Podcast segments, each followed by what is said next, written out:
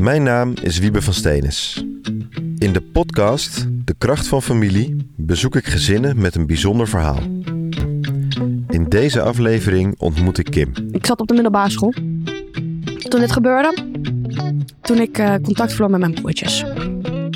Kim vertelt het verhaal van duizenden kinderen in Nederland die zonder hun broers en zussen moeten opgroeien. Maar als er dan ook nog een, een verhaal achter zit die niet klopt en je moet dat recht gaan proberen te zetten en het, ja, dat lukte haar gewoon niet. Ik werd van het kastje naar de muur gestuurd. Ja, we kunnen niks vertellen over je broertjes, want je bent mijn halfzus. Met de hulp van gezinsbegeleider Tess en Simba Familiezorg kwam daar verandering in. De voogdij kan eraf. En, eh, en ook dat is eigenlijk een resultaat van goede samenwerking van alle betrokken hulpverleners. En kon Kim haar verhaal doen in de Tweede Kamer. Je weet dat het eraan komt. En dat, dat doet al een hulp goed. Luister het verhaal van Kim en andere verhalen van SOS Kinderdorpen in de podcast De Kracht van Familie.